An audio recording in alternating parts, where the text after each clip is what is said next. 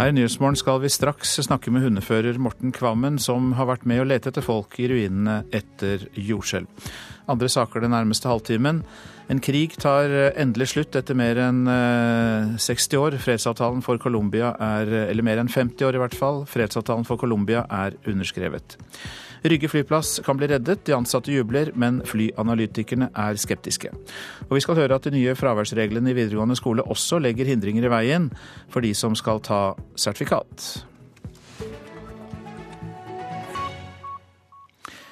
Flere tusen hjelpearbeidere søker etter overlevende, hørte vi i Dagsnytt. Eh, de eh, blir antatt at eh, mange mennesker fortsatt kan være begravet i ruinene i det sentrale Italia, der det var jordskjelv i går. Morten Kvammen, hundefører i Norske redningshunder, god morgen. God morgen. Du er med oss fra studio i Kirkenes, og du søkte etter folk i ruinene etter jordskjelvet i Nepal. Hvor mange dager er det håp om å finne folk i live? Ja, Det er bestandig en, eh, kanskje en usikkerhet eh, i forhold til hvor lenge man eh, kan overleve en ruin. Og det er jo mange momenter som spiller inn her. Men man sier gjerne at altså, de, de, første døgnene, de to første døgnene er det størst sjanse for å finne folk i, i livet. Vi hører historier om folk som overlever gjerne ti dager og mer. Eh, I Nepal så fant vi jo ei dame som hadde ligget begravd i fem døgn. Eh, men man er jo avhengig av at man eh, både har tilgang da, både på nok luft og, og gjerne også væske da, når man ligger begravd over så lang tid. Dere bruker jo hunder i arbeidet, du er jo hundefører. Hvordan blir de brukt i letearbeidet? Ja, altså, Hundene er, har jo en, eh, en fantastisk eh, luktesans, og det er jo den luktesansen deres som, eh, som gjør at de er eh, veldig å foretrekke når man søker etter overlevende i, i ruiner. Eh, man søker rett og slett i, i selve ruinen, eh, og hundene markerer da der det kjennes lukt av mennesker. Hvor langt ned kan de lukte mennesker? Ja, altså, vi vi tester hundene våre på at de skal eh, uten problemer kunne lokalisere folk som ligger eh, to og en halv meter eh, i, altså ned i en ruin. Men det kan jo også variere i forhold til hvordan trekkforholdene er i en ruin, og temperatur osv. spiller jo inn her. Er det noen type bygninger hvor det er større sjanse for å finne overlevende?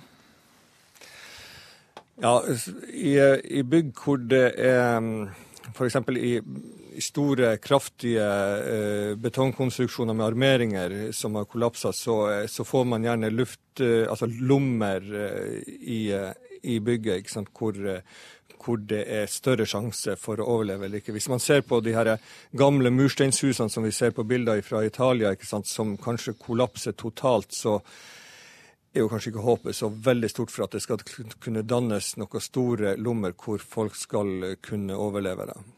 Nei, For det er ingen strukturer som står igjen? Nei, nettopp. Og man har jo sett det f.eks. under etter jordskjelvet i eh, Bam i Iran, ikke sant? hvor eh, gamle mursteinshus altså rett og slett bare lå, det lå flatt på, eh, på bakken. Dette letearbeidet som eh, du også da har vært eh, med på, og som pågår i Italia nå, eh, kan det også være farlig for letearbeiderne? Ja, selvfølgelig. Altså, er her er jo en naturkatastrofe, og eh, jordskjelv kommer jo som regel med, med etterskjelv også. Men det er jo ikke bare etterskjelv som, som er faremomenter.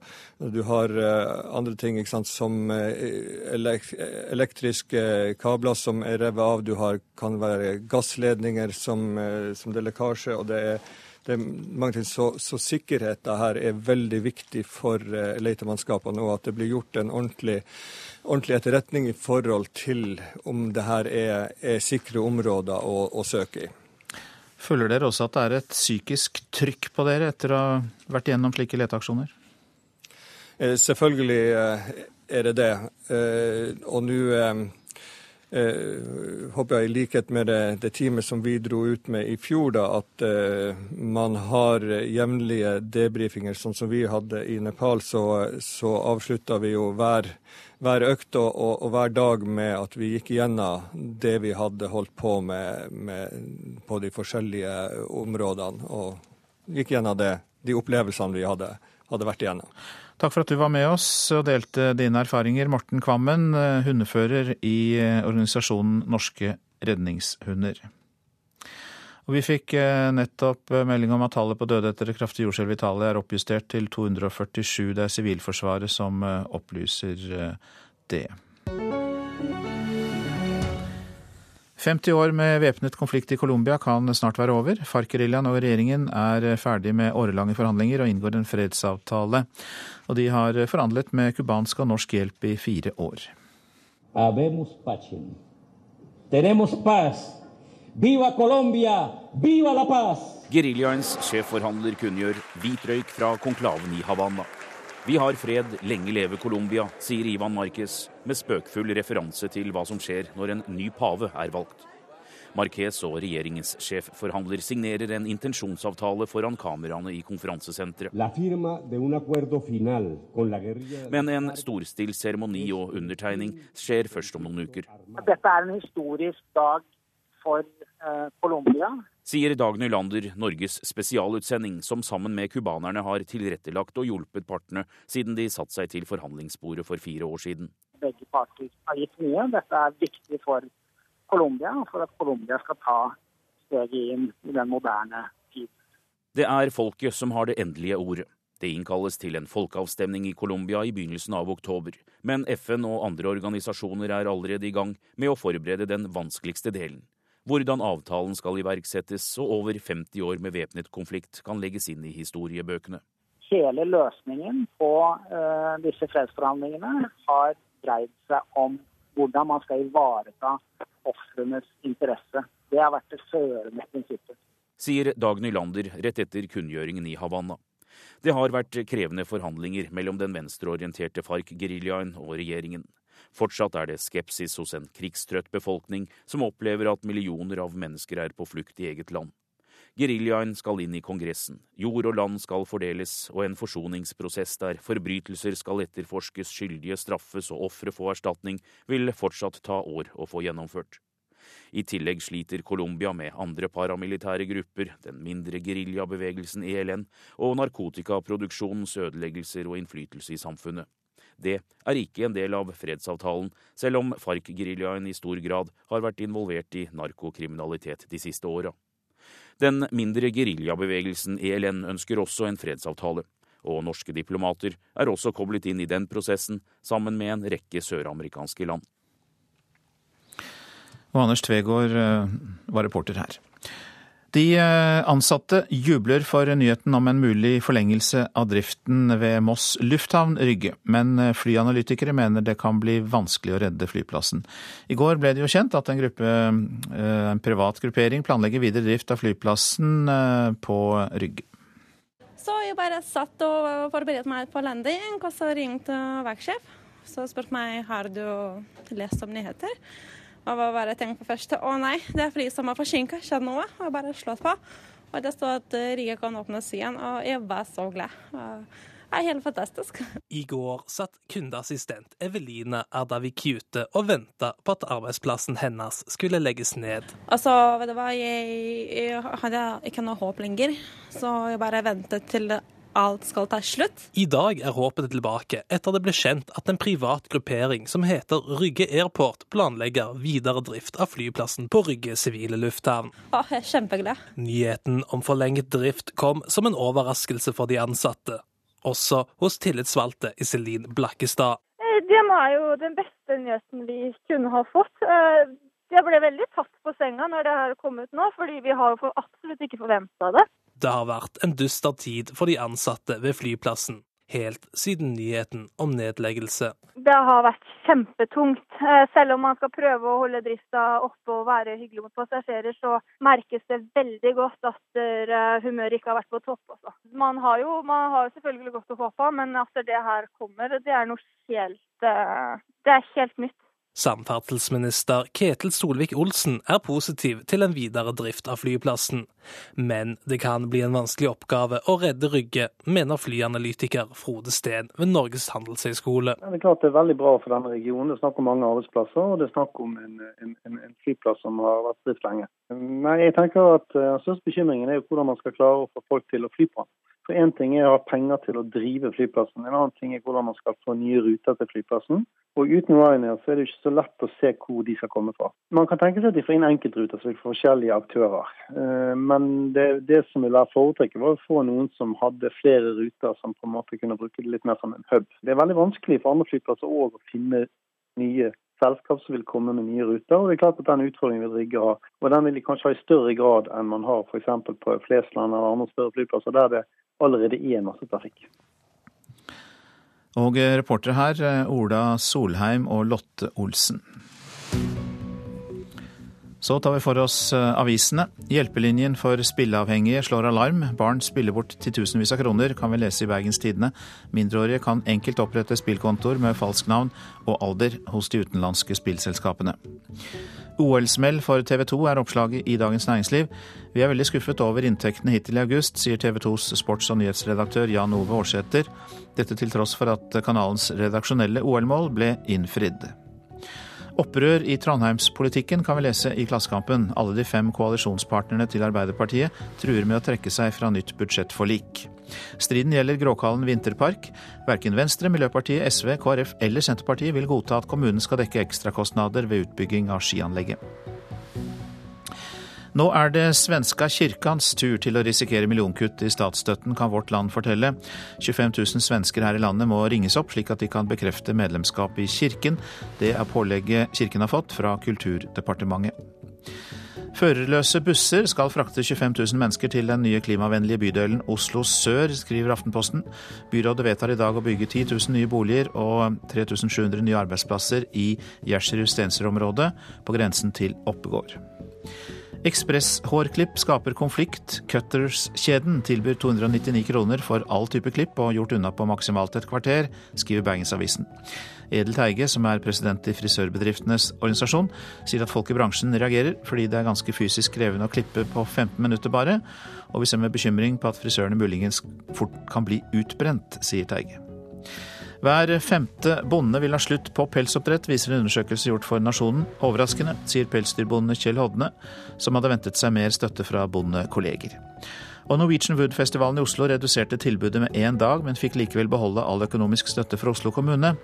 Andre festivalarrangører reagerer, kan vi lese i Dagsavisen. Men kulturbyråd eh, Rina Mariann Hansen forsvarer tildelingen, med ønske om å sikre de etablerte Oslo-festivalene. Vi tar en tur innom sporten. Pandleren eh, Eirik Verås Larsen fikk munnkurv av Olympiatoppen etter å ha stilt spørsmål ved organiseringen av norsk toppidrett. Det fikk offentlighetsutvalget eh, til å reagere, altså i offentlighetsutvalget i idretten, men toppidrettssjef Tore Øvrebø er ikke enig med kritikerne.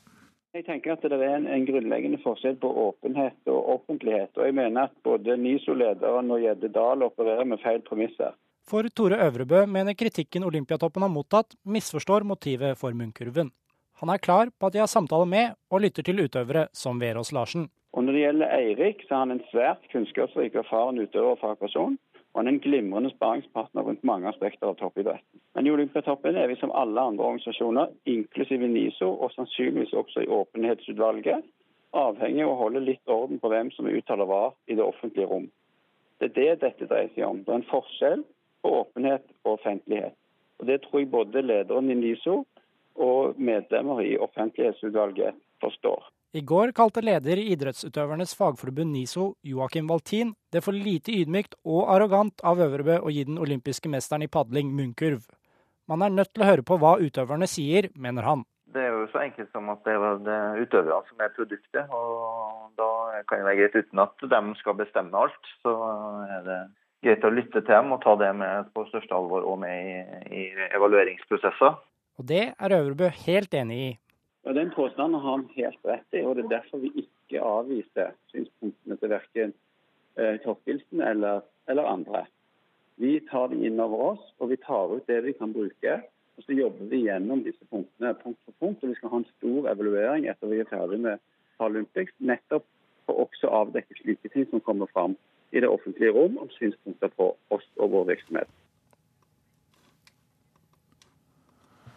Reporter var Fredrik Stuve. Dette er Nyhetsmorgen, og klokka har passert 6.48. Vi har disse hovedsakene. I Italia pågår redningsarbeidet fortsatt for fullt etter jordskjelvet natt til i går. Minst 247 mennesker er omkommet i katastrofen. 368 mennesker er skadd. Ifølge Sivilforsvaret er det uklart hvor mange mennesker som er savnet. Regjeringen i Colombia, FARC-geriljaen, har inngått en fredsavtale. Det skjer etter at borgerkrigen i landet har vart i over 50 år. Over 220 000 mennesker mistet livet, og over 6 millioner ble drevet på flukt som følge av denne konflikten. Og hver tredje flyreise skal forsvinne innen 2030 hvis Miljøpartiet De Grønne får det som de vil. Et av tiltakene i det nye partiprogrammet er eh, flyseteavgift på 600 kroner. Mer om det etter klokka sju og eh, i Politisk kvarter om en knapp time. Nå til USA. Der melder nyhetsbyrået Associated Press at over halvparten av de privatpersonene som fikk møte Hillary Clinton da hun var utenriksminister, hadde gitt penger til Clinton-stiftelsen. For kort tid siden kommenterte Clinton for første gang opplysningene i et intervju på fjernsynskanalen CNN. Det forteller USA-korrespondent Gro Holm. Ja, hun sier at disse opplysningene fra eh, Associated Press er, gir et helt feilaktig bilde. De har gjort et lite utvalg på 154 møter. 85 skal, av dem skal ha da vært eh, med eh, folk som har gitt penger til Clinton-stiftelsen. Clinton og Hillary Clinton sier da selv at hun har hatt over 2000 andre møter som de ikke har registrert og ikke behandlet.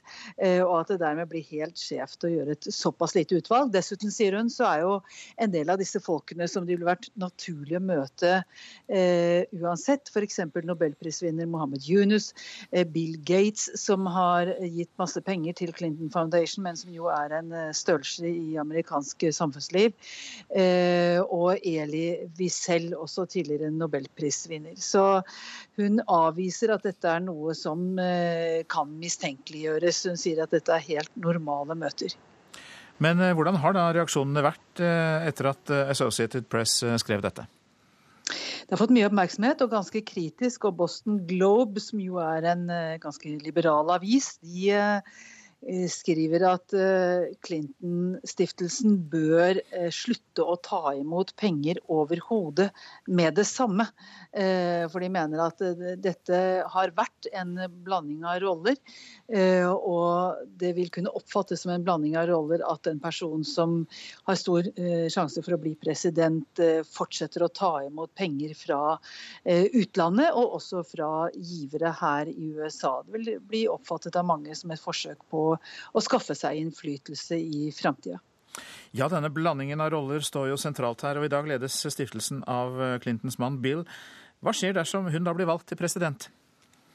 Ja, For det første så har de sagt at de da ikke vil ta imot penger fra utlandet mer eh, hvis hun blir president. Og Bill Clinton har også sagt at han vil eh, gå av eh, som leder for The Global Initiative, som er en viktig del av eh, Clinton-stiftelsens arbeid, på et møte i neste måned, altså i september. Eh, så de har på en måte tatt signalene, og Clinton, Hillary Clinton blir jo da så spurt om eh, hvis man er redd for å blande sammen roller når hun blir president, hvorfor var de ikke redde for å blande sammen rollene når hun var utenriksminister? Og det har hun ikke så veldig godt svar på. Hun sier at det er en annen situasjon, og mer enn det har hun egentlig ikke sagt. Fra USA til museene i Distrikts-Norge. De blir nemlig satt opp mot Nasjonalgalleriet. Senterpartiet og Museumsforbundet vil ikke gi støtte til en oppgradering av Nasjonalgalleriet, dersom det er Kulturdepartementet som må ta hele den regningen. Som du ser, vi har ingenting å skamme oss over. Nå går vi gjennom eh, en sal hvor det henger hovedverk fra samlingen. Christian Krogh, Fritz Taulow og Erik Wernskjær. Museumsdirektør Svein Olav Hoff viser stolt fram flere av maleriene på veggene i Lillehammer kunstmuseum. Museet har lenge levert godt, men nå frykter Hoff at pengesekken til distriktsmuseene kan bli mindre. Nei, da blir jo eh, i ytterste uh, greie så blir jo konsekvensen mindre aktivitet. For om tre år vil et stort, nytt nasjonalgalleri for kunst stå ferdig på Vestbanen i Oslo. Regningen blir over 5 milliarder kroner, men hva som skal skje med det gamle Nasjonalgalleriet er fortsatt uklart. Flere partier på Stortinget har ytret ønske om at galleriet fortsatt må være en del av Nasjonalmuseet og et visningssted for kunst. Men da frykter også Senterpartiets Marit Arnstad at utgiftene til Nasjonalgalleriet kan skape negative konsekvenser for distriktsmuseer som det i Lillehammer. Vi har jo forståelse for at en ønsker å bruke Nasjonalgalleriet også i framtida, eh, f.eks. til å ha utstillinger i. Hvis det betyr å legge veldig mye nye eh, penger inn i Nasjonalgalleriet, så er det jo en stor risiko for at det kan gå på bekostning av andre viktige kunst- og museumsformål utover i Norge. Og Arnstad får også støtte fra leder av Norges museumsforbund, Liv Ramskjær. Hvis dette skal gå på bekostning av det som på det generelle museumsbudsjettet, så, så vil vi få et problem eh, med byggeprosjekter, andre prosjekter som er rundt om i landet. Da faktisk ikke, ikke, vil bli mulig å realisere hvis man skal bruke alle de midlene til dette her. Så det må jo komme som en ekstra bevilgning hvis man skal velger å bruke Nasjonalmuseet til kunst for Nasjonalmuseets sak. Kulturdepartementet ønsker ikke å kommentere saken fordi de avventer en kvalitetssikring av kostnadsberegninger. Men en av dem som ønsker at Nasjonalgalleriet bør bevares som visningssted for Nasjonalmuseets kunst, er KrF-politiker Geir Bekke Bekkevold, og han frykter ikke at det vil kunne gå utover distriktsmuseene. Jeg kan forstå den frykten, eh, men eh, jeg vil være veldig tydelig og klar på at eh, utgifter knyttet til Nasjonalgalleriet, det skal ikke tas ifra distriktsmuseene. Og Det er for så vidt en grei beskjed å gi også til Kulturdepartementet, at det er ikke sånn en bevaring av Nasjonalgalleriet skal finansieres. Og tilbake på Lillehammer kunstmuseum er håpet at en framtidig avgjørelse også vil ivareta distriktene. Det må ikke gå utover sånne som oss, og vi må få anledning til å vokse. Og det har vi ikke gjort i forhold til statlige bevilgninger på de siste ti årene. Og reportere her, Brage Berglund og Eirin Venås Sivertsen. Nå skal kjøreskoler i Nedre Telemark drøfte fraværsreglene i den videregående skolen. Det kan jo virke overraskende at de skal gjøre det, men kjøreskolen i Grenland mener fraværsreglene skaper problemer for elever som vil ta lappen. Jeg er ferdig med kjøretimene, så jeg har bare langkjøring og oppkjøring igjen. Maja Viken går i tredje klasse på Skien videregående skole. Hun er snart ferdig med å ta lappen. Likevel er hun bekymret for å få for mye fravær. Det er jo vanskelig eh, pga. skolen og at jeg må ha en langkjøring i skoletida. Der går det to dager. Hva kan det bety for deg? Eh, det kan i verste fall bety stryk i entimersfag til jul. Eh, hvis jeg i tillegg risikerer å få oppkjøringa på de samme dagene. Eh, eller at jeg blir syk utover høsten da, og ikke får det dokumentert hos lege. Fraværsgrensen på 10% i den videregående skolen bekymrer både elever og kjøreskolene. Derfor skal skolene ha et møte denne uka, forteller kjørelærer Bjørn Skåne. Nei, Det er akkurat dette her som eh, blir tatt opp eh, torsdag til uken. Så må vi ha et møte for oss å se hvordan vi eh, skal angripe dette. her. For eh, det er en utfordring både for elevene og for oss. For eh, Hvis elevene først skal ha en full skoledag, deretter komme til oss og ha utbytte av undervisning på kveldstid i tillegg, så ja, De fleste er ikke i form til det, rett og slett. De har ikke mer eh, kapasitet, og det, det, det blir bare tull. Det er kjørelærer Gunstein Ekman Sunde på nummer 1 trafikkskole i Porsgrunn som har tatt initiativet til møtet. Der vil kjørelærere fra Skien, Porsgrunn og Bamble delta. Sunde sier i en kommentar til NRK at målet med møtet er å få kjøreskoletimer godkjent som gyldig fravær. Så langt har kunnskapsminister Torbjørn Røe Isaksen ikke lyttet.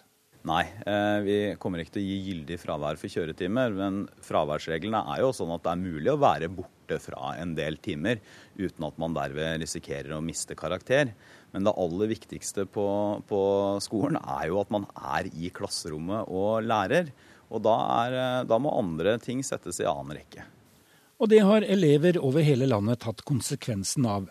Timer blir avbestilt eller flytta, forteller kjørelærer Bjørn Skåne. Vi har fått forespørsler allerede om hvordan det er å kjøre i høstferie og romjula, har allerede nå elevene begynt å prate om. Men eh, det, det, det, det blir veldig veldig rart dette. For eh, skal vi kjøre på lørdager, søndager og på kveldstid, så har verken elevene eller vi noen noe gode arbeidsdager eller utbytte av det. Babak Siami er leder i Elevorganisasjonen i Telemark. Han setter stor pris på at kjørelærerne skal møtes. Jeg syns det er eh, veldig skrytverdig. Det er veldig bra at de tar hensyn til situasjonen og prøver å gjøre noe med det. Det er bra at de sørger for at elever kan ta lappen uten å kanskje stå i like stor fare. Så jeg håper det møtet de skal ha, eh, ender opp med et godt resultat som kommer alle til gode. Og reporter her, det var Roar, Roald Marker. Så tar vi for oss værvarselet og Østafjell sør for Mjøsa først. Det blir ustabilt vær med regnbyger og lokal torden rundt Oslofjorden og nedre del av Telemark. Lenger nord på Østlandet og i fjellet i Sør-Norge så blir det oppholdsvær og etter hvert noe sol der. Vestlandet liten nordøst kuling rundt Stad. Spredte regnbyger, men også perioder med sol. På kysten ventes lokal tåke først på dagen. Trøndelag sørvestlig liten kuling på kysten, minkende til skiftende bris. Det blir regnbyger, men fra i formiddag oppholdsvær sør for Trondheimsfjorden. Nordland for det meste skyet vær, litt regn eller regnbyger. Troms og Finnmark, der blir det oppholdsvær i dag. Seint i kveld litt regn i kystområdene, riktignok. Spitsbergen nordvestlig liten kuling utsatte steder, enkelte sludd- eller snøbyger og lavere temperatur. Så tar vi med oss temperaturene målt klokka fem i natt. Svalbard lufthavn fem grader, Kirkenes seks, Vardø og Alta ni.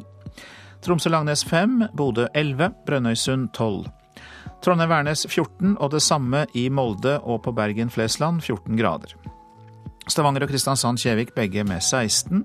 Og det sannelig var det også det samme på Gardermoen, 16 grader.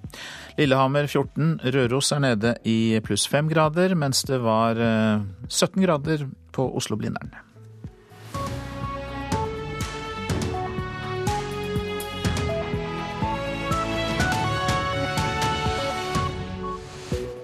Ja, og I tillegg til at utenriksminister Børge Brende skal snakke om Colombia her i Nyhetsmorgen, har vi disse sakene. Vi skal følge arbeidet til eh, hjelpearbeidere som fortsatt søker etter overlevende i ruinene etter jordskjelvet i Italia.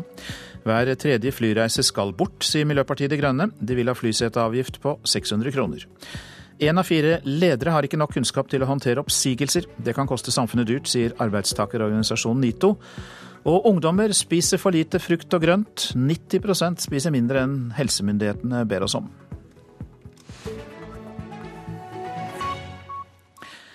I Amatrice i det sentrale Italia jobber rundt 700 redningsarbeidere fortsatt i ruinene etter jordskjelvet i går morges.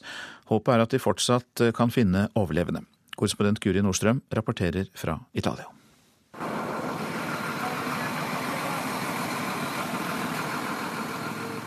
Det er natt i Matrice.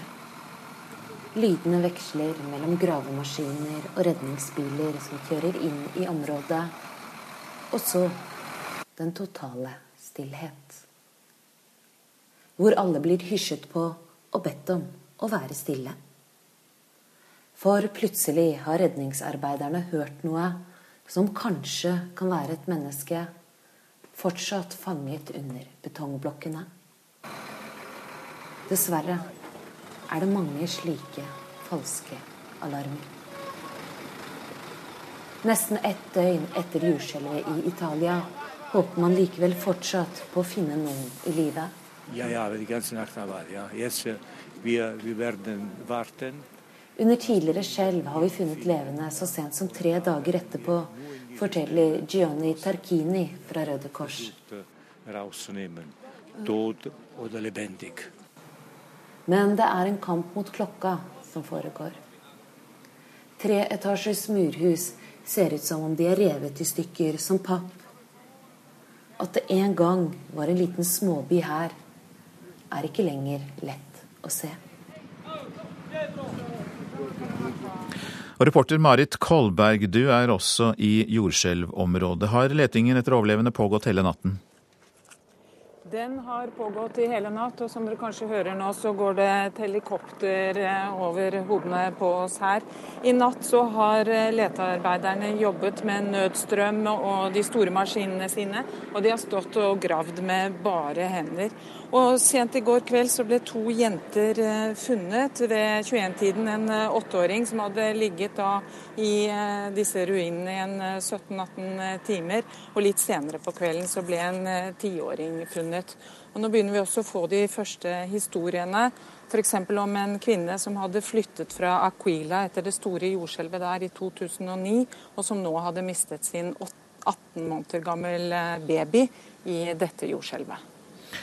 Og du merket selv at det var etterskjelv? Ja, vi våknet eh, to ganger i natt av eh, en seng som sto ristet, og, og jeg hørte ting rundt meg liksom dunke i vegger og sånn. Og her har folk sovet ute i telt i natt. Eller under åpen himmel med det de har kunnet finne da, av tepper og eventuelt soveposer og sånn. Og folk her i byen Rieti, hvor jeg er nå, de har organisert en innsamling nettopp av sånne ting. Her er det etablert et senter hvor folk kan komme og levere, og det gjør de. De kommer og gir. Eh, de kan komme og levere tørrmelk og tørrvarer og tepper og alt hva man skulle kunne tenkes å trenge. En åtteåring og en tiåring ble funnet, eh, fortalte du oss. Eh, er det fortsatt et sterkt håp om å finne flere overlevende? Det er det. Det er kjølig her, og, og landsbyene ligger jo enda høyere opp, opp mot 900 meter eh, over havet. Men eh, det er ikke så kaldt. Eh, så, og det har jo skjedd før at folk kan klare seg lenge i sånne ruiner. Så nå er kampen mot klokka begynt, og letingen pågår for fullt. Og har som sagt pågått i hele natt også. Mange takk skal du ha, reporter Marit Kolberg i byen Rieti i jordskjelvområdet. Og så god morgen til deg, Amir Kainya. Kainia. Du er fagansvarlig for jordskjelv ved Norsk geoteknisk institutt, eh, professor to ved NTNU. Eh, dette var vel kanskje et relativt kraftig jordskjelv, og det var grunt. Og i tillegg var det kanskje andre årsaker som også bidro til ødeleggelsene? Ja, dette er på verdensbasis betraktet faglig som sterk jordskjelv. Alt over seks er i stand til å Eh, på for store ødeleggelser, avhengig av type konstruksjoner. Også I tillegg har vi veldig variert terreng. Eh, fjellområder, steder med veldig løsmasser, som forsterker rystelser fra sånne jordskjelv, som forårsaker slike og så var det ganske grunt eh, ti eh, kilometer ned. Det er ganske grunt, det også? Det er veldig grunt, ja. Og det er derfor det blir enda større ødeleggelse lokalt. Eh, hva kjennetegner de bygningene som eh, du sier eh, bidro til at ødeleggelsene ble større i dette tilfellet? Ja, disse typer bygninger er på en måte verst som når det kommer til jordskjelv. Fordi disse er veldig Du kan si De tåler veldig lite deformasjon. De har dårlig, ofte dårlig eller ingen forbindelser og koblinger mellom vegger. Vegger og gulv og vegger og tak, som uh, fører til at disse elementene uh, ikke jobber sammen i løpet av jordskjelv. Og vi hørte i går en dame som overlevde og sa at hun merket eller følte at veggene gikk en etter hverandre til slutt taket kom ned. Og det er, det er derfor den type konstruksjon alltid er, har sånne problemer. Og de kollapser, og de eh, dreper mange mennesker. Hvordan burde man bygge for å sikre seg bedre? Ja, det finnes nå Det er gjort veldig mye forskning for at selv slike bygninger, som i prinsipp er ikke veldig eh, egnet jordskjelv, blir bedre eh, under jordskjelv. Eh, det finnes metoder som ekstra armering, som går rundt huset, over taket, går rundt og binder tak og flere steder i veggen, vegger, sånn at til slutt blir det en sånn en, som en boks som eh, fungerer bedre, mye bedre under jordskjelv. Men så er det jo da slik at det bygges ofte svært høyt i mange jordskjelvutsatte områder. Vi kan jo nevne California og Japan. Det høres farlig ut på meg, men ja, det er egentlig eh, nå faget eh, har kommet så langt at det går an å eh, dimensjonere disse bygninger sånn at de tåler enda sterkere jordskjelv. Selv om de er høye, altså? Selv om de er høye. Så det fins alle disse faglige ting og prinsipper, og de følger dem. Og også i Italia. Disse prinsippene, standardene, følges godt for disse f.eks. kontorbygg, høyhus og alt og de er garantert definitivt ikke ødelagt i løpet av sånn slike jordskjelv. Men i dette tilfellet mange gamle hus som altså var mer utsatt. Korrekt. Ja. Mange takk skal du ha, Amir Kanya, som da er professor to ved NTNU og eh, fagansvarlig for jordskjelv ved Norsk geoteknisk institutt. Vi har hørt at fredsavtalen for Colombia ble kunngjort i natt mellom FARC-geriljaen og colombianske myndigheter. De har lenge forhandlet. Og vi må minne om at 220 000 mennesker har mistet livet i borgerkrigen. Den har vart i over 50 år, og Norge og Cuba har fungert som tilretteleggere. Utenriksminister Børge Brende, god morgen. God morgen. Hva betyr avtalen for Colombia? Dette er en historisk avtale for Colombia. Eh, det er, eh, som du sier, eh, over 200 000 mennesker som har mista livet. Men det har også bidratt til at seks millioner mennesker har måttet ha forlatt hjemmene sine. De er interne Eh, flyktninger i Colombia. Det har medført kriminalitet, usikkerhet og lagt en stor demper på muligheten eh, for Colombia til å komme ut av eh, fattigdom. Denne avtalen nå er robust, og den også tar opp mange av de spørsmålene som er kime til konflikt. Retten til land, f.eks. For, for millioner av fattige bønder i Colombia. Hvor er utfordringene nå? Den første store utfordringa blir jo om folket sier ja til den avtalen som er fremforhandla nå. Det skal stemmes over, ja. Ja, det skal være en folkeavstemning. Det blir eh, en stor eh, signering av eh, denne avtalen i slutten av september i Bogotá, hovedstaden til Colombia, hvor både Ban Ki-moon og forhåpentligvis vår egen statsminister Erna Solberg vil være til stede. Ble invitert av president Santos i går. Og så kommer avstemninga Eh, noen eh, uker etter eh, denne signeringa. Det er motkrefter, tidligere president Uribe f.eks., som går imot denne freden. For meg er det helt uforståelig etter 50 år å fått til et sånt gjennombrudd. Man burde jo tatt dette og komme videre. Dette bidraget Norge har kommet med her, tilretteleggerbidraget og andre typer forhandlinger som vi er med i, bl.a. i Filippinene. Jeg går ut fra at det er Er det blitt et kjennemerke på Norge internasjonalt? Vi er jo med i mange fred- og forsoningskonflikter, og det forbindes med Norge. Og det er jo stor interesse rundt dette. Vi har veldig dyktige folk i Utenriksdepartementet som har jobba i tiår med forskjellige eh, konflikter. Og vårt eh, forhandlingsteam i Cuba er utrolig Eh, stolte av de, og bare ser den takknemligheten som også nå eh, president Santos viste i går, eh, Cuba ringte, og også FARC-lederen Timosjenko, som hadde en lang samtale med i går kveld, takker Norge, og ikke minst forhandlingsteamet. Så dette er en viktig, fordi at hvis du kan hindre krig og konflikt, eller løse opp i krig og konflikter, så kan du både redde liv, og du kan få land ut av fattigdom. Jeg går ut ifra at det er en tverrpolitisk glede i Norge over dette. Dette har jo pågått uh, under uh, flere regjeringer. Absolutt. Så um, her har vi grunn til å um, ikke minst anerkjenne de som har jobba med dette døgnet rundt.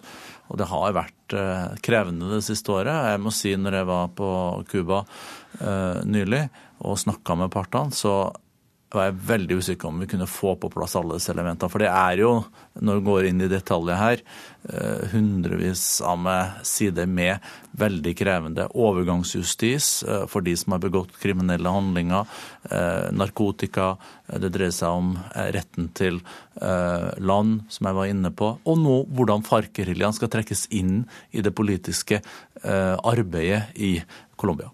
Mange takk skal du ha, utenriksminister Børge Brende. Dette er Nyhetsmorgen. Klokka har passert kvart over sju, og dette er hovedsaker. Ja, vi har altså hørt at regjeringen i Colombia, FARC-geriljaen, har inngått en fredsavtale etter at borgerkrigen i landet har vart i over 50 år. Og utenriksministeren orienterte nettopp om dette. I Italia pågår redningsarbeidet for fullt etter jordskjelvet natt til i går. Minst 247 mennesker er omkommet i katastrofen. Og vi hørte nettopp vår reporter fortelle at eh, to barn på åtte og ti år ble funnet i ruinene i går kveld. Og hver tredje flyreise skal forsvinne innen 2030. Ja, mer fra Miljøpartiets program får vi etter hvert i våre sendinger. For eh, hvis Miljøpartiet De Grønne får det som de vil, eh, så skal altså hver tredje flyreise forsvinne i løpet av en eh, ja, 14-15 års tid. De lanserer nytt partiprogram i dag, og et av tiltakene er flyseteavgift på 600 kroner. Og vi har vært ute og spurt folk om det vil påvirke deres flyvaner. Nei, ikke i det hele tatt. Jeg syns det burde bli litt dyrere. Spørs hvor jeg skal, men eh, vanlige turer, f.eks. at jeg flydde i dag til Oslo, så ville jeg kanskje vurdert igjen igjen. Når utenlandsreiser så syns jeg det er billig fra før av, så 600 kroner hadde ikke gjort noe. Vi skal eh, øke flyseteavgifta og bruke penger på å redusere reisetida på jernbane. Det sier leder av programkomiteen i Miljøpartiet De Grønne, Ingrid Liland. De vil redusere flytrafikken med 30% innen 2030 ved å stanse utbygging av nye rullebaner og øke flyseteavgifta kraftig. Togreisene mellom de store byene i Sør-Norge vil de skal gå mye raskere. Vi foreslår fire timer eh, mellom Oslo, Bergen, og Oslo, Trondheim og seks timer mellom Oslo og Stavanger innen 2025. Men hva med distriktene, MDG? De Grønne ønsker jo å skjerme distriktene, og så akkurat hvordan det innrettes, det er jo akkurat det vi skal diskutere nå. Så er det bare Sør-Norge det gjelder det her forslaget? Det er jo der vi har det største potensialet for å kutte utslipp, og det er der vi er nødt til å gjøre en stor innsats. De begynner litt i feil ende. Det sier professor i strategi ved BI, Espen Andersen. De bør ikke være mot flytrafikk, eller i hvert fall ikke mot reising. Det de bør være imot, er forurensing. Og jeg tror man kan få til mye der ved bedre flytyper, ny teknologi og bedre koordinering av flytrafikken. Han trekker paralleller til elbilen. Det blir litt som med elbiler. Det er mange som er imot biltrafikk. Da må man jo tenke på at det er ikke biltrafikken eller transporten som er problemet, det er det at det forurenser. I tillegg til kraftig reduksjon i flytrafikken, foreslår MDG bl.a. å stanse alle nye utbygginger på norsk sokkel, øke flaskepanten til fem kroner og fase ut salg av nye personbiler innen 2020. For å få gjennomslag for miljøpolitikken sin, må MDG samarbeide, f.eks. med Arbeiderpartiet. Noen av de virkemidlene som Miljøpartiet De Grønne legger frem, kan jo virke ganske dramatisk. Vi er veldig enige om det som den overordnede målsettinga, å få ned CO2-utslippene. Forskjellen mellom Arbeiderpartiet og Miljøpartiet De Grønne er kanskje at vi er litt mer sånn steg på steg, mens de griper til ganske sterke virkemidler med en gang. Det sier Ap sin transportpolitiske talsperson Eirik Sivertsen. Tror han 600 kroner i flyseteavgift er løsninga? Nei, ikke nødvendigvis. Vi mener at eh, det er andre ting som er viktigere å prøve først. Eh, og det som er Nøkkelen for å få ned utslippene fra flytrafikken, er jo å utvikle andre- og tredje generasjons biodrivstoff. Og for at flere av dem vi traff på gata skal fly mindre, må prisene kraftig opp. 20 dyrere, der eh, begynner grensa å komme. Nei, jeg hadde klart 50% dyrere. Så jeg tror det er mange som flyr i Viken bare fordi det er så billig. De reiser steder som de egentlig ikke har noe å gjøre.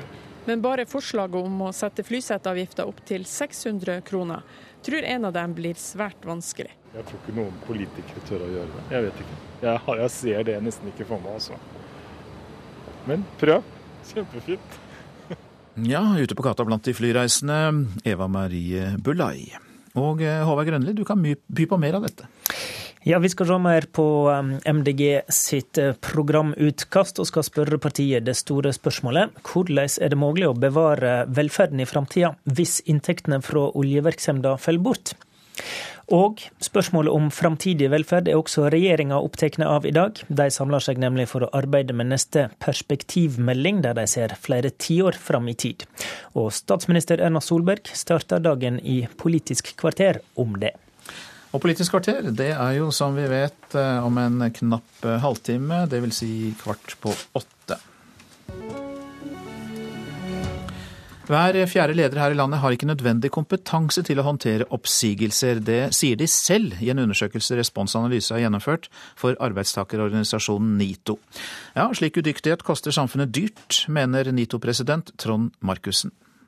Det koster samfunnet ressurser og penger, og kan i verste fall ende i dyre rettssaker. Markussen leier landets største organisasjon for ingeniører. Han blir urolig når norske ledere sjøl erkjenner at de ikke er skolerte for de prosessene de har vært gjennom dette siste året. Og Særlig tøft har det vært for de lederne som ofte står alene i jobben om å si opp ansatte. Klart, når vi utdanner ledere, så utdanner vi dem for å bygge bedrift, bygge de ansatte og tenke opp og fram.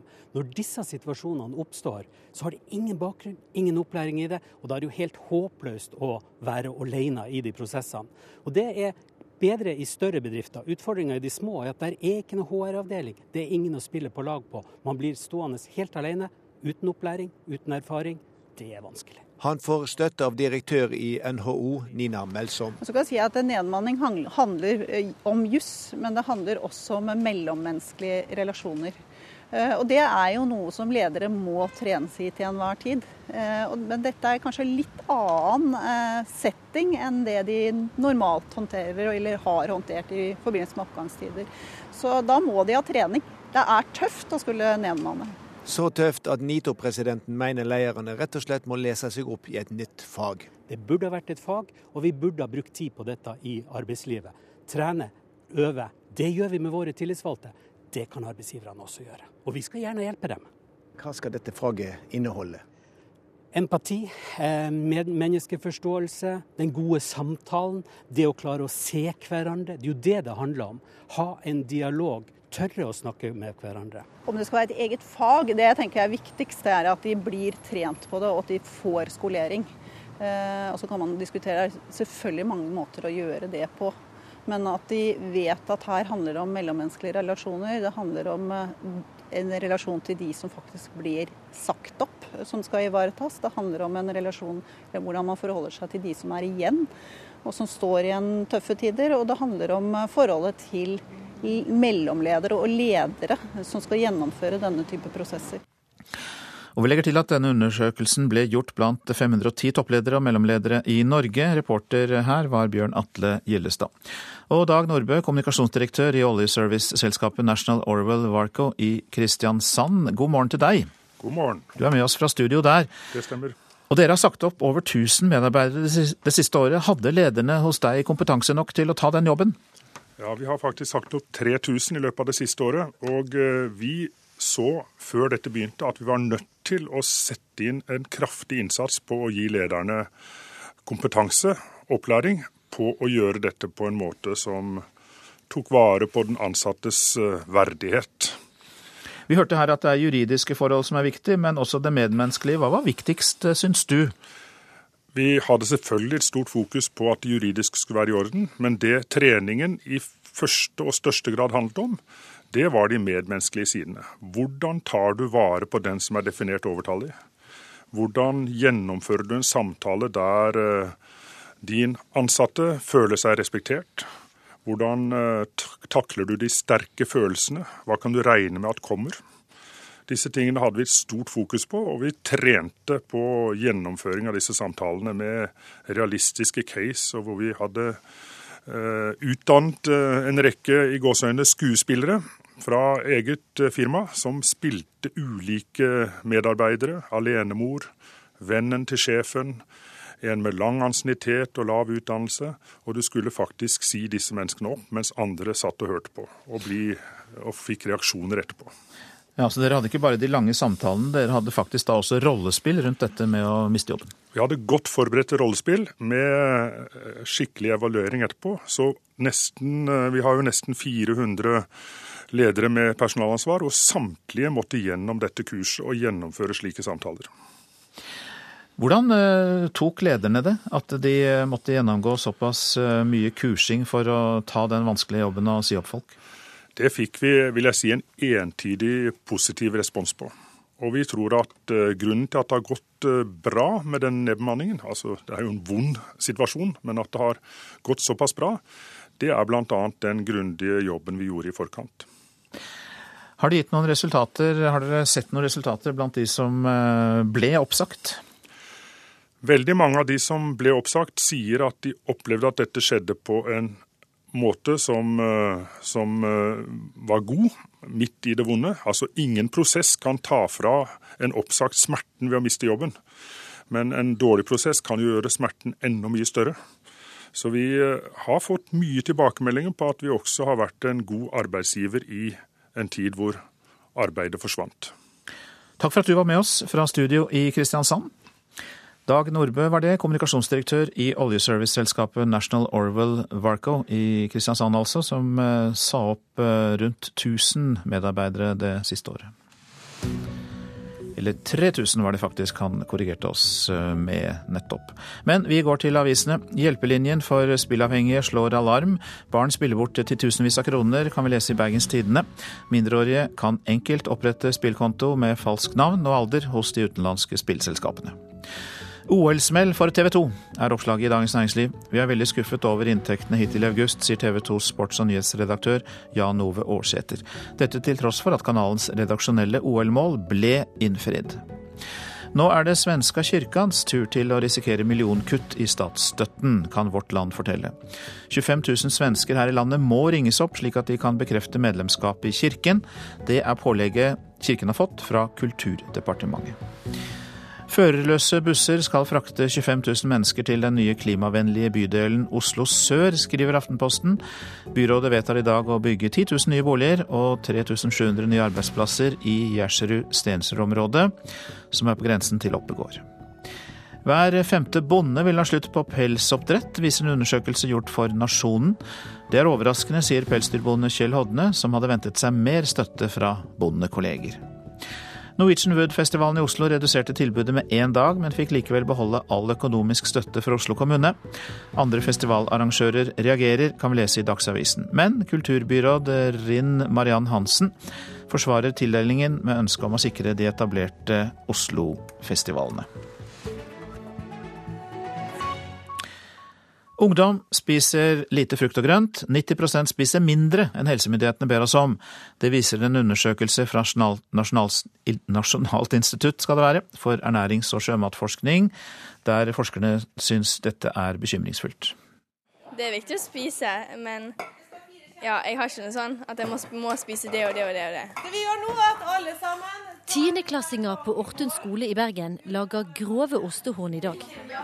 Her på skolekjøkkenet lærer de om hva som er sunt. Men kostholdsrådene er ikke alltid lett å huske. Helsemyndighetene har kostholdsråd som heter fem om dagen. Har du hørt om det? Nei, det har jeg ikke hørt om. Er du opptatt av hva du spiser og hva du får i deg? Nei, egentlig ikke.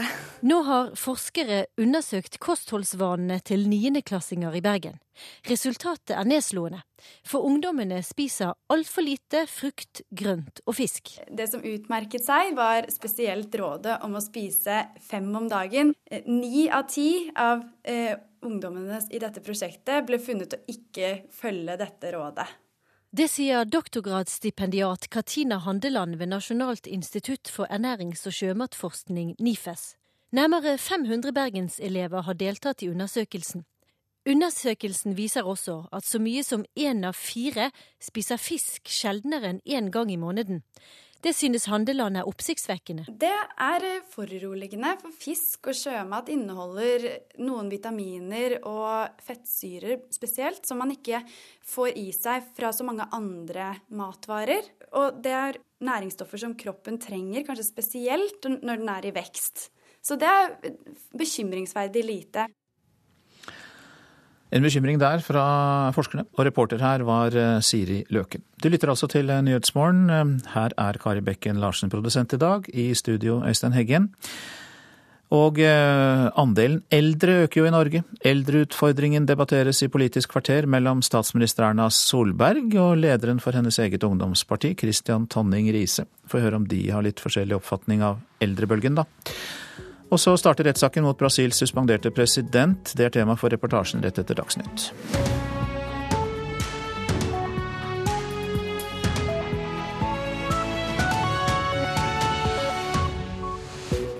Vi skal høre mer fra jordskjelvet i Italia, der de har lett etter overlevende i hele natt. Rygge flyplass kan bli reddet. Lederen for selskapet som vil satse på videre drift eh, av flyplassen ved Moss, eh, kommer eh, hit. Og hvorfor blir unge mennesker tiltrukket av ekstremisme? Bok som lanseres i dag, prøver å gi et svar. Ja, nesten 250 mennesker er altså funnet døde etter jordskjelvet i Italia. Redningsarbeidere jobbet i hele natt for å finne overlevende. Det forteller reporter Marit Kolberg. Den har pågått i hele natt, og som dere kanskje hører nå, så går det et helikopter eh, over hodene på oss her. I natt så har eh, letearbeiderne jobbet med nødstrøm og de store maskinene sine, og de har stått og gravd med bare hender. Og Sent i går kveld så ble to jenter eh, funnet ved 21-tiden. En eh, åtteåring som hadde ligget da i eh, disse ruinene i en 17-18 timer. Og litt senere på kvelden så ble en tiåring funnet. Og nå begynner vi også å få de første historiene. F.eks. om en kvinne som hadde flyttet fra Aquila etter det store jordskjelvet der i 2009, og som nå hadde mistet sin 18 måneder gammel baby i dette jordskjelvet. Og du merket selv at det var etterskjelv? Ja, vi våknet eh, to ganger i natt av eh, en seng som sto ristet, og, og jeg hørte ting rundt meg liksom dunke i vegger og sånn. Og her eh, har folk sovet ute i telt i natt. Eller under åpen himmel med det de har kunnet finne da, av tepper og eventuelt soveposer og sånn. Og folk her i byen Rieti, hvor jeg er nå, de har organisert en innsamling nettopp av sånne ting. Her er det etablert et senter hvor folk kan komme og levere, og det gjør de. De kommer og gir. Eh, de kan komme og levere tørrmelk og tørrvarer og tepper og alt hva man skulle kunne tenkes å trenge. En åtteåring og en tiåring ble funnet, eh, fortalte du oss. Eh, er det fortsatt et sterkt håp om å finne flere overlevende?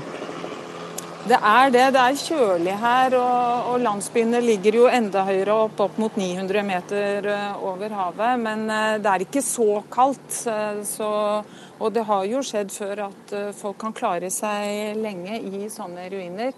Så nå er kampen mot klokka begynt, og letingen pågår for fullt. Og har som sagt pågått i hele natt også. Det var Marit Kolberg som rapporterte fra Italia. Det norske arbeidet med å bygge tillit har gitt resultater, sier statsminister Erna Solberg etter nyhetene om at 50 år med væpnet konflikt i Colombia snart skal være over. FARC-geriljaen og regjeringen er, med, er, ferdige med årelange forhandlinger og inngår en fredsavtale. Viva Colombia! Viva la paz! Geriljaens sjefforhandler kunngjør hvit røyk fra konklaven i Havanna. Vi har fred, lenge leve Colombia, sier Ivan Marquez med spøkfull referanse til hva som skjer når en ny pave er valgt. Marquez og regjeringens sjefforhandler signerer en intensjonsavtale foran kameraene i konferansesenteret. Dette er en historisk dag for eh, Colombia. Sier Dag Nylander, Norges spesialutsending, som sammen med cubanerne har tilrettelagt og hjulpet partene siden de satte seg til forhandlingsbordet for fire år siden.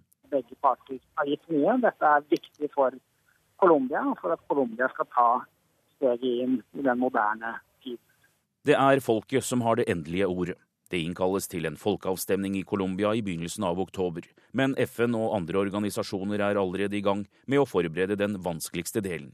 Hvordan avtalen skal iverksettes og over 50 år med væpnet konflikt kan legges inn i historiebøkene. Hele løsningen på uh, disse fredsforhandlingene har dreid seg om hvordan man skal ivareta ofrenes interesse. Det er fantastisk. Dette har eh, bølget frem og tilbake. Statsminister Erna Solberg har allerede snakket med Colombias president.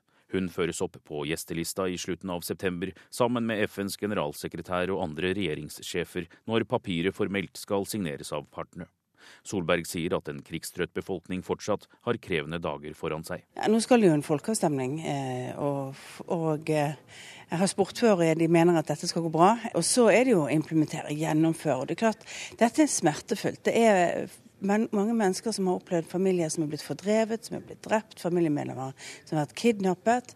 Eh, det skal jo en stor eh, forsoningsprosess til, og en integreringsprosess av, av geriljasoldatene i samfunnet. Og dette er krevende for alle samfunn. Men det gir jo også en mulighet til en start til nettopp å gjøre noe på den økonomiske utviklingen i Colombia for å skape bedre økonomisk utvikling for alle. Fire år med forhandlinger, norsk tilrettelegging. Hva betyr det for norsk eh, fredsdiplomati? For dette må vel være en av de få fjærene man, man har i den hatten? Ja, Det bekrefter at det vi har jobbet med lenge i Norge, og gjort veldig systematisk de siste 15 årene med å bygge tillit til, mellom partene for å få til, til løsninger, at det, at det gir resultater. Men det er alltid sånn at det ikke er tilretteleggeren som klarer å skape disse løsningene. Det er faktisk eh, partene. De må ville selv.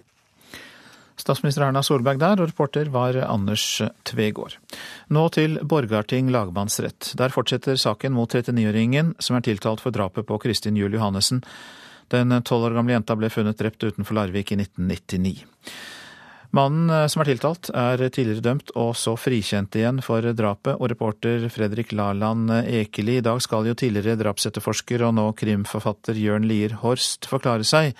Hvilken rolle har han? Ja, Det er jo flere vitner, blant andre familiemedlemmer av tiltalte, som skal uh, vitne i retten i dag. Men altså, som du sier, tidligere politibetjent Jørn Lier Horst, forfatteren, skal uh, vitne. Før han skal vitne i dag, så ønsker ikke Lier Horst å snakke med oss, men han kommer til å snakke med oss når han er ferdig å vitne, har han sagt. Forfatteren eh, var etterforsker i Larvik politidistrikt, eh, og han jobbet med drapet på Kristin Juel Johannessen fra 1999 til 2000. Han har tidligere uttalt at det har vært mange søvnløse netter hvor han har tenkt på dette, og tanken på at en gjerningsperson har gått, er lett for en etterforsker å dvele ved.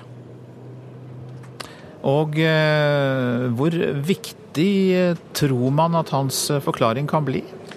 Ja, Han har jo ikke formelt hatt noe med saken å gjøre siden 2002. Eh, eh, han var tidlig ute og sa at det trolig var gjort nye DNA-analyser før denne saken denne gangen. Og at det ikke er det samme hårstråsporet som ble sett på i 2002 som har kommet opp. Han mente at det måtte være funnet nye spor på klær eller annet, og det har han jo hatt rett i. Han har sagt at han var med på å bygge beviskjeden som han nå tiltalte ble dømt for i tingretten, men som ikke holdt i lagmannsretten. Han har hatt kontakt med Kristin Juel Johannessens familie siden 2002 fordi han har hatt dårlig samvittighet, har han sagt, fordi man ikke fant svar. Det har han altså uttalt. Og i dag skal han altså vitne i samme sak igjen. Mange takk skal du ha, Fredrik Laland Ekeli, som er vår reporter i Borgarting lagmannsrett i dag. Ja, Vi har hørt at en investorgruppe ønsker å satse videre med lufthavndrift på Rygge flyplass i Østfold, og dermed ta over etter forrige selskap som har vedtatt å legge ned flyplassen. Statsminister Erna Solberg ønsker andre hjertelig velkommen til å drive flyplassen. De må jo nå alle sikkerhetsbestemmelser og ha tillatelsene for måten de skal drifte på fra, fra, fra Luftfartstilsynet. Men vi er jo selvfølgelig innstilt på at, eh, at, de, at man kan overta de tillatelsene, forutsatt at man kan nå det. Det, det er aldri noen blankofullmakt, det må gjøres en vurdering. Men det er klart, eh, vi syns det er bra hvis noen andre har lyst til å drive Rygge. Nå kan flyene fra Rygge lette igjen. Og det kan virke som at alt løser seg for flyplassen som var meldt nedlagt. Det var flyseteavgiften som ble økt med 88 kroner som fikk skylden av mange. Men statsministeren sier at dette viser at Ryanair kun brukte flyseteavgiften som en unnskyldning.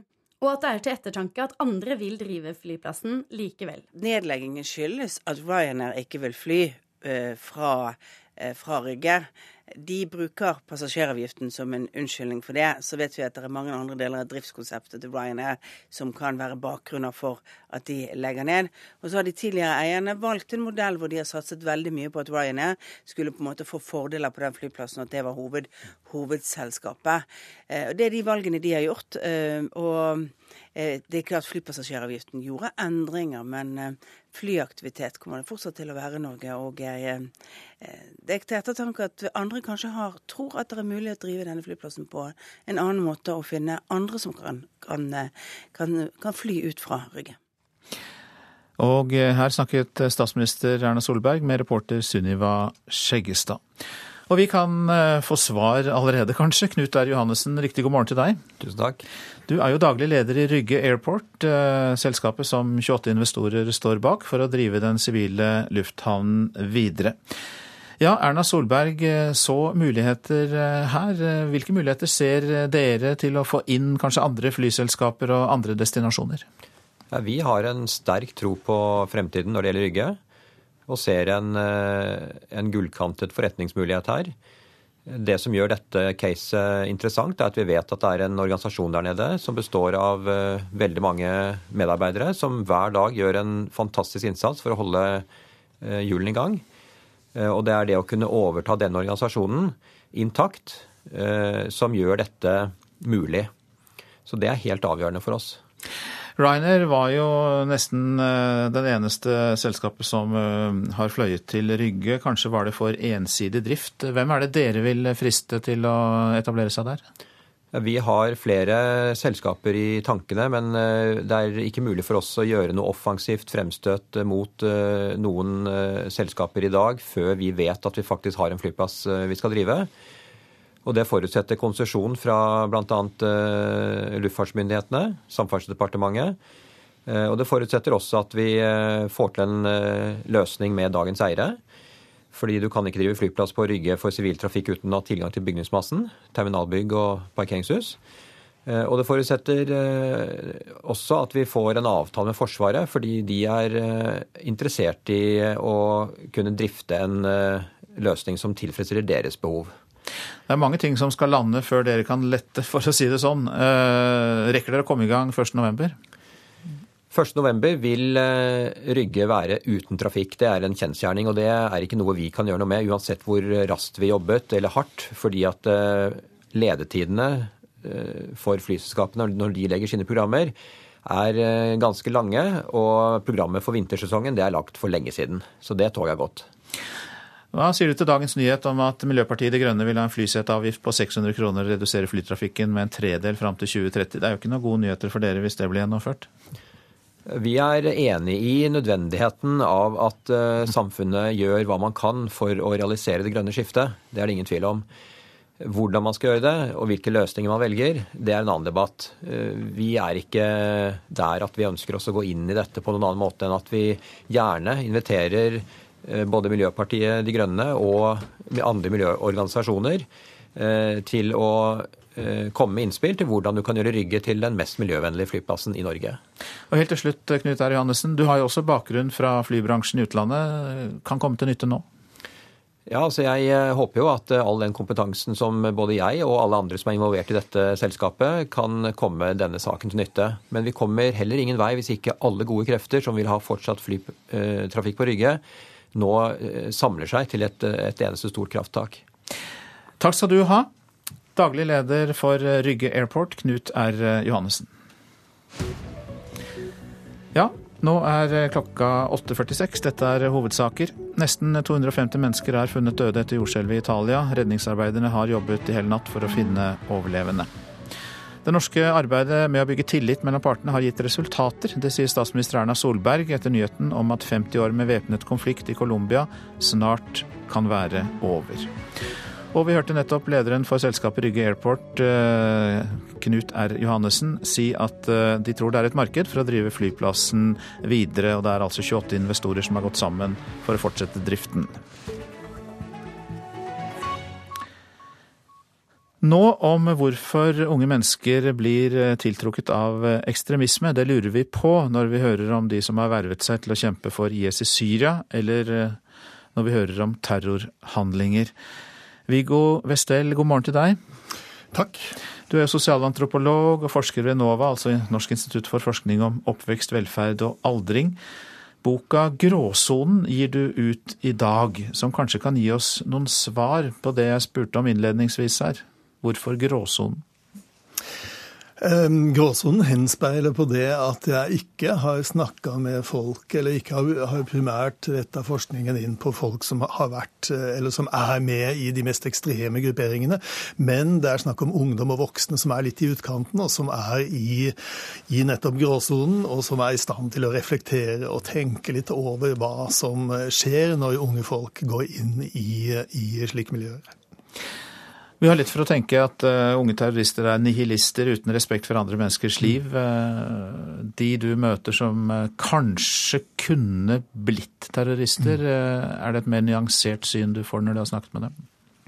Ja, jeg vil si at på mange måter er det ganske Det er ganske vanskelig å svare på spørsmålet ditt, det opprinnelige spørsmålet ditt. Hva som får unge folk til å gå inn i disse, disse miljøene. Det, er, det krever mange svar. Og det er mange kategorier av svar. Og eh, det første er jo det at dette er ungdom som er sårbare, og som er lett, eh, lett hva skal vi si, tilgjengelige, lett påvirkelige for og, og som lett blir engasjert i samfunnsspørsmål. Og når de f.eks. ser kriger i Tsjetsjenia, Irak, Afghanistan osv., så, videre, så blir man opprørt.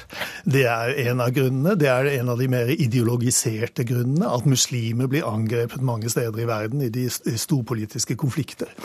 Andre grunner kan være at man befinner seg i en eksistensiell krise. Kanskje du har dødsfall i familien din, og religionen hjelper deg til å, til å gi et svar på hvordan dette kan skje, og, og, og hva død betyr i, i, i, unge menneskers liv.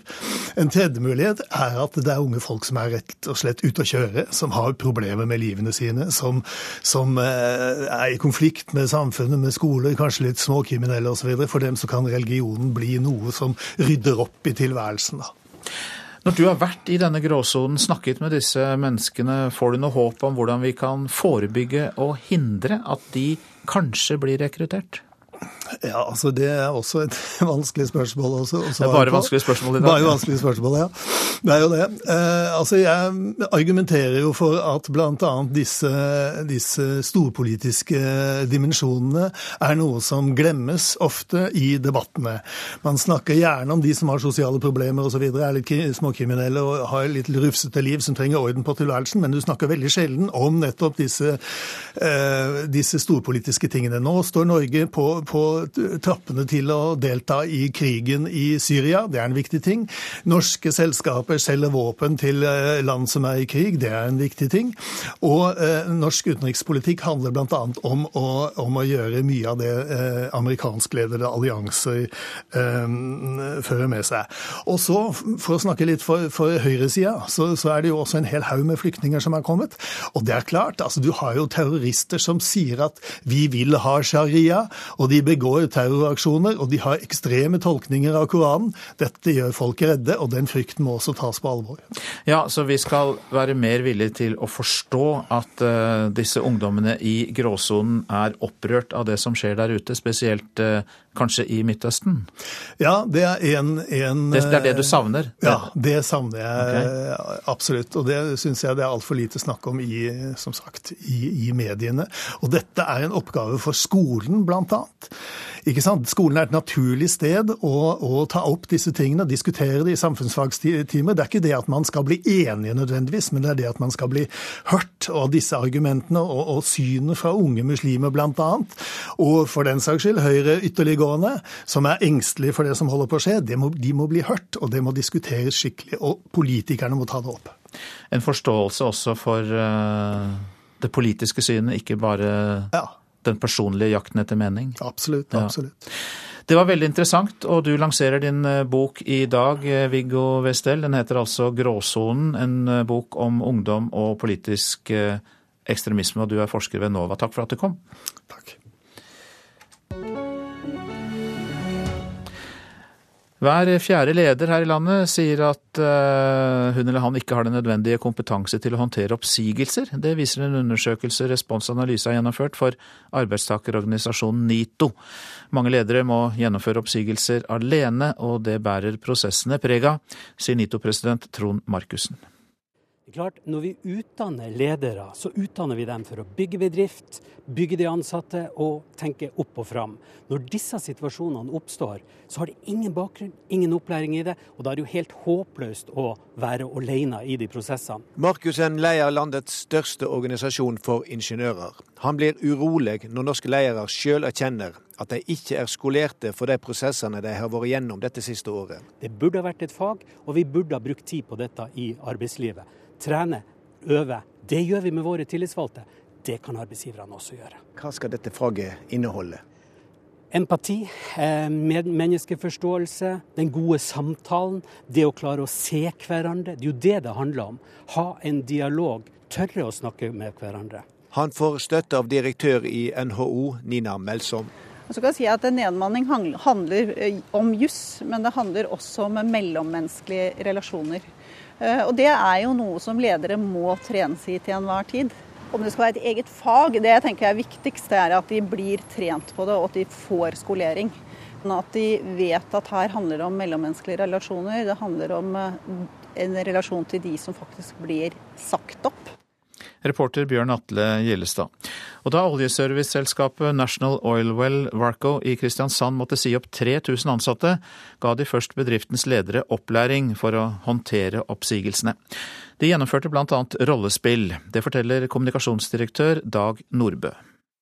Vi så før dette begynte at vi var nødt til å sette inn en kraftig innsats på å gi lederne kompetanse, opplæring, på å gjøre dette på en måte som tok vare på den ansattes eh, verdighet. Vi hørte her at det er juridiske forhold som er viktig, men også det medmenneskelige. Hva var viktigst, eh, syns du? Vi hadde selvfølgelig et stort fokus på at det juridisk skulle være i orden, men det treningen i første og største grad handlet om, det var de medmenneskelige sidene. Hvordan tar du vare på den som er definert overtallig? Hvordan gjennomfører du en samtale der eh, din ansatte føler seg respektert? Hvordan eh, takler du de sterke følelsene? Hva kan du regne med at kommer? Disse tingene hadde vi et stort fokus på, og vi trente på gjennomføring av disse samtalene med realistiske case, og hvor vi hadde uh, utdannet uh, en rekke i gåseøyne skuespillere fra eget firma som spilte ulike medarbeidere, alenemor, vennen til sjefen, en med lang ansiennitet og lav utdannelse, og du skulle faktisk si disse menneskene opp, mens andre satt og hørte på, og, bli, og fikk reaksjoner etterpå. Ja, så Dere hadde ikke bare de lange samtalene, dere hadde faktisk da også rollespill rundt dette med å miste jobben? Vi hadde godt forberedte rollespill med skikkelig evaluering etterpå. Så nesten, vi har jo nesten 400 ledere med personalansvar, og samtlige måtte gjennom dette kurset og gjennomføre slike samtaler. Hvordan eh, tok lederne det, at de måtte gjennomgå såpass eh, mye kursing for å ta den vanskelige jobben og si opp folk? Det fikk vi vil jeg si, en entydig positiv respons på. Og vi tror at eh, grunnen til at det har gått bra med den nedbemanningen, altså det er jo en vond situasjon, men at det har gått såpass bra, det er bl.a. den grundige jobben vi gjorde i forkant. Har det gitt noen resultater? Har dere sett noen resultater blant de som ble oppsagt? Veldig mange av de som ble oppsagt, sier at de opplevde at dette skjedde på en måte som, eh, som, eh, var god, midt i det vonde. Altså ingen prosess kan ta fra en oppsagt smerten ved å miste jobben. Men en dårlig prosess kan jo gjøre smerten enda mye større. Så vi eh, har fått mye tilbakemeldinger på at vi også har vært en god arbeidsgiver i en tid hvor arbeidet forsvant. Dag Nordbø sa det, kommunikasjonsdirektør i National Oilwell Warco i eh, Kristiansand.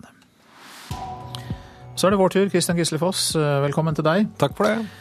Ja, hva kan statsmeteorologen si om de store kontrastene i dagens vær? Du, altså I nord, på Spitsbergen, her er det snøbyger som er gjeldende. vet du, og Nordvestlig liten kuling, lave temperaturer. Så tar vi turen over eh, Barentshavet, kommer inn eh, Finnmark og Troms, så er det oppholdsvær i dag. Perioder med sol. Og eh, i kveld så kan det nok komme inn litt regn i sørlige deler av Troms. Nordland her blir det en grå dag, perioder med regn, mest nedbør sør av Bodø. Vinden kan kanskje komme opp i nordlig frisk bris. Trøndelag med Romsdal eh, så er det noen få byger nå, men det blir færre og færre byger, særlig sør for Trondheimsfjorden. Her tror jeg det blir en del sol nå utover dagen. Vestlandet sør for Stad også her en del sol mange steder, men også en del skyer og mulighet for noen byger. Flest byger det har du på Sørlandet, Østlandet og Telemark i dag. Eh, særlig i ytre strøk så er det byg, ja, ganske kraftige byger enkelte steder, og med faktisk tordenregistrering allerede. Og så er det ganske varmt i Sør-Norge. Hvor kommer denne varmluften fra? Den må komme sørfra? Det, det stemmer, det. Den kommer fra Syden, vet du. Så, så, det som skjer, er at eh, vi har nå transport av veldig varm og fuktig luft fra Spania opp til oss. og når vi sto opp i dag eh, sånn i 5-60-tida, så var det 17 grader ute. Det er herlig temperatur, men så er det såpass fuktig. Det er 95 eh, luftfuktighet ute. Så det føles veldig lummert, altså. Så eh, man trenger ikke å bevege seg så altfor fort når man går frem uten at man fort merker denne varmen, altså. Mm. Man trenger heller da ikke å dra til Spania, for lufta kommer hit derfra. Ja, ikke sant. Det er vinn-vinn-situasjon, det. Absolutt, absolutt. Det er mye vind i dette. Takk skal du ha, Kristian Gisle Foss. Da runder vi av denne sendingen med å slå fast at Anne Skårseth var ansvarlig for nyhetssendingene på morgenen. Kari Bekken Larsen, produsent, teknisk ansvarlig Espen Hansen, og nærmest mikrofonen Øystein Heggen.